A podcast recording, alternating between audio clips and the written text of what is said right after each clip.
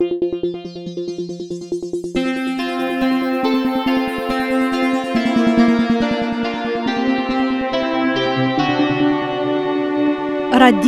Esperanto Parolas Kaliningrado. Saluton. La lastan ciaran dimanchon, la 27 de decembro, el la Kaliningrado studio de Radio Esperanto, vin salutas Alexander Korzenkov, kai Halina Gorecka.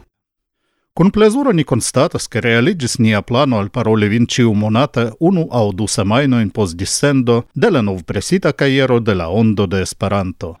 Tion ni faras ancu nun, nau tagoin post ciam Halina dissendis la januaran ondon el Litovio, cae multe el vi jam ricevis gin au elsutis gian elektronican version kiel etan kristnascan donatson el Ruslando.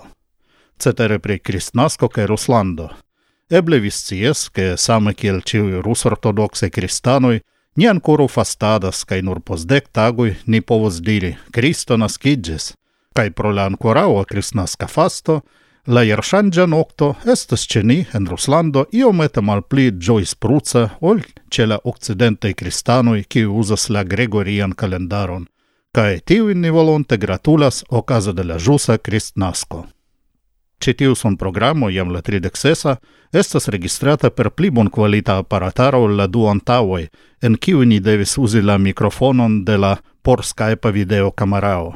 Mi esperas che la auscultado de novo estas sen problema. Ĉu vere? Ĉu vi bone audas?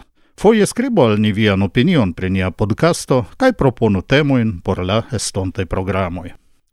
En la lasta ciara son programo, vi, post unu minuto, audos le anoncon pre la esperantisto de la jaro, sequos esperanto novajoi, presento de la januara caiero de la ondo de esperanto, cae fine del programo ancora unu canzono de Manuel. Bonan auscultadon!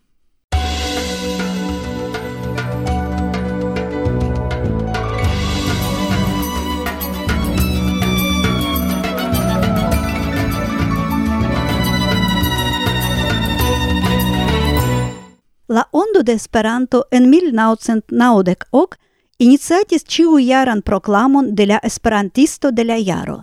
A la projekto aliĝis reprezentantoj de diversaj tendencoj en la Esperanto-komunumo kaj sendependaj kompetentuloj. Kiel la unua laureato en 1990 ok estis elektita William Old. La proklamo tradiciiĝis kaj en la lastaj jaroj la esperantistoj de la jaro estis – Katalin Kovac en 2010, Denis Kif en 2011, Peter Balas en 2012, Mark Fettes en 2013 kaj Mireille Grosjean en 2004. En citiu iaro, jaro dek sep kandidatigantoj proponis dudek unu kandidatojn, al kiuj dek ses elektantoj donis siajn voĉojn. Kvin kandidatoj ricevis po unu voĉon – ду кандидату рецевис поду вочуин. Карло Миная рецевис квар вочуин. Квин вочуин рецевис Стефан Макгил. Кай Плеј Мултен вочуин, номе дек ду, рецевис Чак Смит. Пер тио Чак Смит, ла 36 јара усона компутисто, лоджанта ен Берлино, фондинто де Есперанта Википедио ен 2001, кај екс естрарано детејо. estas proklamita la esperantisto de la jaro 2015 pro ampleksa diskonigado kaj utiligado de Esperanto en interreto, precipe pro ciara pretigo kaj lanĉo de Esperanto kurso por angla lingvanoj ĉe la lingvo lerna retejo Duolingo, kie dum kelkaj monatoj Esperanton eklernis pli ol ducent mil personoj. Ni gratulas la laureaton.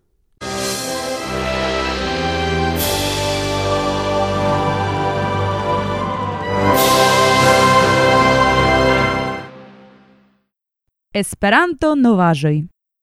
Sep de kvin partoprenanto el de kvar landoj ĉeestis la malferman tagon de la centra oficejo de UEA la dude okan de novembro. En sia lasta malferma tago kiel la ĝenerala direktoro de UEA, Osmo Buller unuafoje mem kontribuis al la programo, montranta erojn el sia kolekto de bildkartoj pri la straton Juve Binnenweg.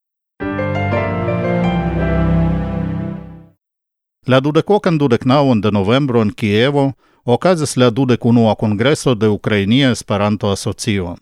UA doni specialan atenton alla congreso sendinta al ĝi sian vicprezidanton Stefan Magil. Inter la decidoj de la congreso eble la plej grava estas starigo de laborgrupo por inviti al Ukrainio la universalan kongreson de Esperanto en la jaro 2012. Post de chiara pauso inter la la decocan du decocan de novembro ocazis en Havano la sesa congreso de Cuba Esperanto Asocio cun la temo Lingvoi cae Culturoi, Identezo en Diversezo. La congreson en la urbocentra sidejo de la Nacia Unuigio de Architektoj kaj Konstruinĝenieroj partoprenis centri de kvar esperantisto el dek landoj, inter ili dudek du eksterlandanoj, inkluzive de grupo de usona esperantistoj, kiuj unuafoje en la historio de la Kuba Esperanto Asocio sukcesis partopreni karavana kaj tute leĝe la Kuban kongreson. La 3 de decembro la supera cortumo de Tatarstano en Kazano traktis apelacion kontraŭ la decido de la juĝejo de la Vahitova distrikto de Kazano, kiu en aŭgusto malakceptis plendojn de urbanoj kontraŭ la ŝanĝo de la stratnomo Esperanto al strato Nazarbajev. La kortumo, aŭskultinte la argumentojn por kaj kontraŭ, decidis ne kasacii la Augustan iuge verdicton, kaj do la nomo de la exa strato Esperanto restas strato Nazarbayev. La plendantoj nun havas ses monatojn por apelacii ĉi tiun decidon en la supera kurtumo de Ruslando. Inter la cent quarde quar standoi de exposicianto el dudec se plandoi, en la lingvo foiro ekspolingvo ocasinta in Berlino cun circa dec mil visitantoi, estis la stando de la socio ECI, tio estas educado ce interreto, cae de studio Gauss – kiu prezentis la projekton Lingvo Info kaj lin projektojn de la asocio ECI. La estraro de Tejo havis en novembro kvartagan kunvenon en Rotterdamo, en kiu temis interalie pri la plano okazigi internacian junularan kongreson en Afriko. En 2016 okazas electo de novai gvidorganoj de UEA por la sekva trijara periodo. Parto de ĝi estas electo de komitatanoj BO por reprezenti la individuajn membrojn en la komitato de UEA. Laŭ la statuto, oni elektas unu comitatanon BO por ĉiu komencita milo da individuoi membroj. Oni do electos ses komitatanojn BO. La candidatiga campanio jam komenciĝis. Kai nun fine eble la plena attendita informo.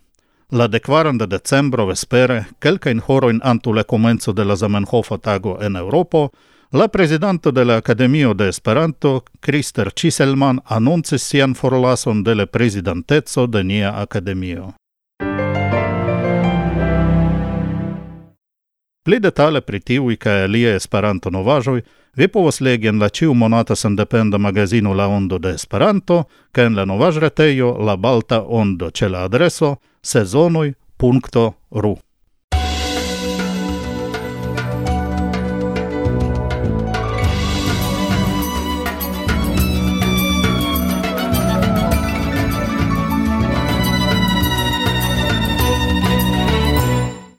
antaŭ dec tagoi, la deksepan de decembro jaude, mi venis al Kauno, Litovio, pur disendi la januaran kajeron de la Ondo de Esperanto, kiu estis experimente presita en nova presejo.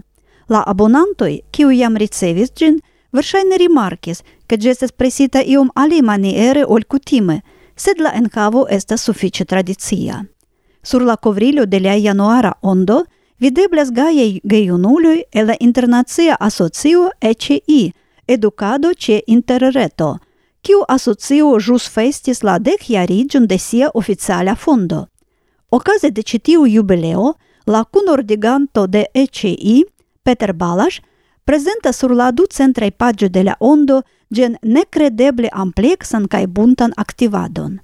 Петер Балаш, аперасанко ен ла газет коменса ронда табло де ондо – en kiu li kaj aliaj divers tendencaj Esperanto-aktivuloj, entute dek du personoj, respondas al la demando, kiuj Esperanto-eventoj en la 2015 jaro estis la plej pozitivaj kaj plej negativaj. Kompreneble, pri iuj el la lasta tempa Esperanto-eventoj oni povas legi en la movada sekcio, kiu nomiĝas ĝuste eventoj. En la seccio tribuno, oni povas legi commentarion de du niei columnistoi. Comitatano zo racuntas pri neadequata reago de parto de niei activului a la decido de UNESCO pri la centa da morto dat reveno de Zamenhof. Kai David Abiago, en vide el Bruselo, comentas plian aperon de la belga princo Loran en amas. Interesa estas anco la raporto pri la pasintjara censo en Krimeo, kie estis anco demandoi pri lingvokonoj, kaj anco Esperanto estas menciita en la statistiko. La ciklo urboi de Ruslando, kiu debutis en 2015, dauras anco en 2016 per artikolo pri Irkutsk, la coro de la Orienta Siberio. Alia ciklo, multe pli malnova, Nia trezoro – ciare estas dedicita al divers specei Esperanto-centroj cae la prezentado komenciĝas de la Internacia Esperanto Museo en Vieno, fondita en 1929. En la kultura sekcio estas la originala novelo La Betulo de la sveda aŭtoro Sten Johansson kaj reagui al lia decembra recenzo de la historio de la Esperanta literaturo – dum Nikolao Gutskov prezentas la represitan articularon Novaj vojoj de Hector Hodler. Certe, enestas ankaŭ la ŝatata rubriko Mozaiko kun konkursaĵoj, humoraĵoj kaj spritaj splitoj kaj presk eraroj de Ištvan Ertel. Mi citas unu el tiuj eroj, kiun Ištvan trovis en Europa bulteno. Unu el la taskoj de EEU estas instigi la landajn asociojn crei realigi iuin celoin, kiuin devus realigi la landai asocioi. Dauras la abon kampanjo por 2016. La ondo de Esperanto estas abonebla en la tradicia papera formo contra kvardek du euroi por la tuta jaro kaj contra dudek unu euroi por jarduono. Ni proponas rabaton por ex-sovetiai, orient europai africai sud americai kai kelkai aziaj landoi La elektronika jarabono por la tuta jaro kostas nur dek kvin euroin La adreson de la retejo kun informoj pri la pag-ebleco vi trovas en la prezento teksto de ĉi tiu sonprogramo kaj en nia novaĵretejo sezonoj.ru.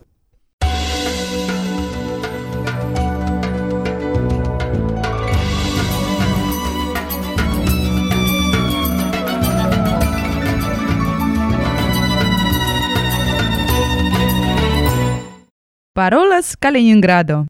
Pasint foje nian programon finis la canzono Kisu min multe el la albumo Mirindajo de la itala canzonisto Manuel. Anco hodiu canzono el citiu disco de Manuel estas la lasta ero en nia son programo. Temas pri La fremdul de George Mustaki, kai nun restas al ni nur desire al vi bonan jaron 2016. Gis reaudo en la nova jaro!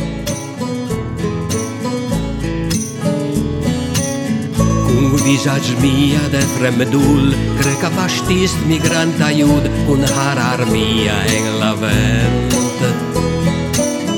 El blua estas la ocul Ciam aspectas mirevul El revigita en real. Cun mia mano de stelist De sen heimul De musicist mi ofte ravis en jardin Multe getrinkis mia busch, kisis kai mortis mi perdent, tis la malsat nenia venk. Cum visage mia de fremdul, greca pastist, vaganta et astelist kai vagabond. Multe simbanis mia haut, en la somera varma sun, en lito dolcia de fraulin. Mirinde cilis mia cor Tre suferigi post dolor Sed cio sen revoluzi Sen ia sab por l'anim Cen sciazzo alla paradis Caie c'alla purgatoris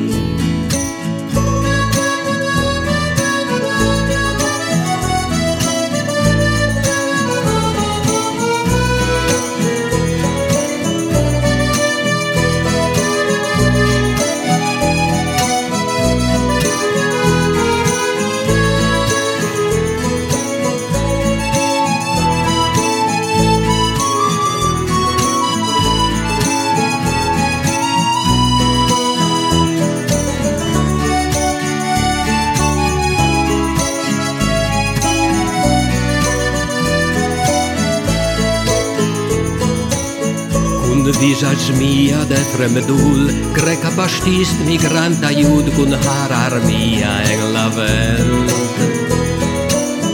Mi venos mia captitin Vive plena font Gemelanim kai trinkos sie via junec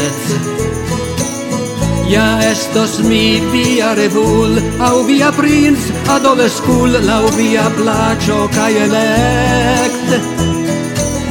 El ciu tago faros mi Tudan eternecon dam Iun gis morte vivos ni. El ciu tago faros ni Tudan eternecon dam Iun gis morte vivos ni.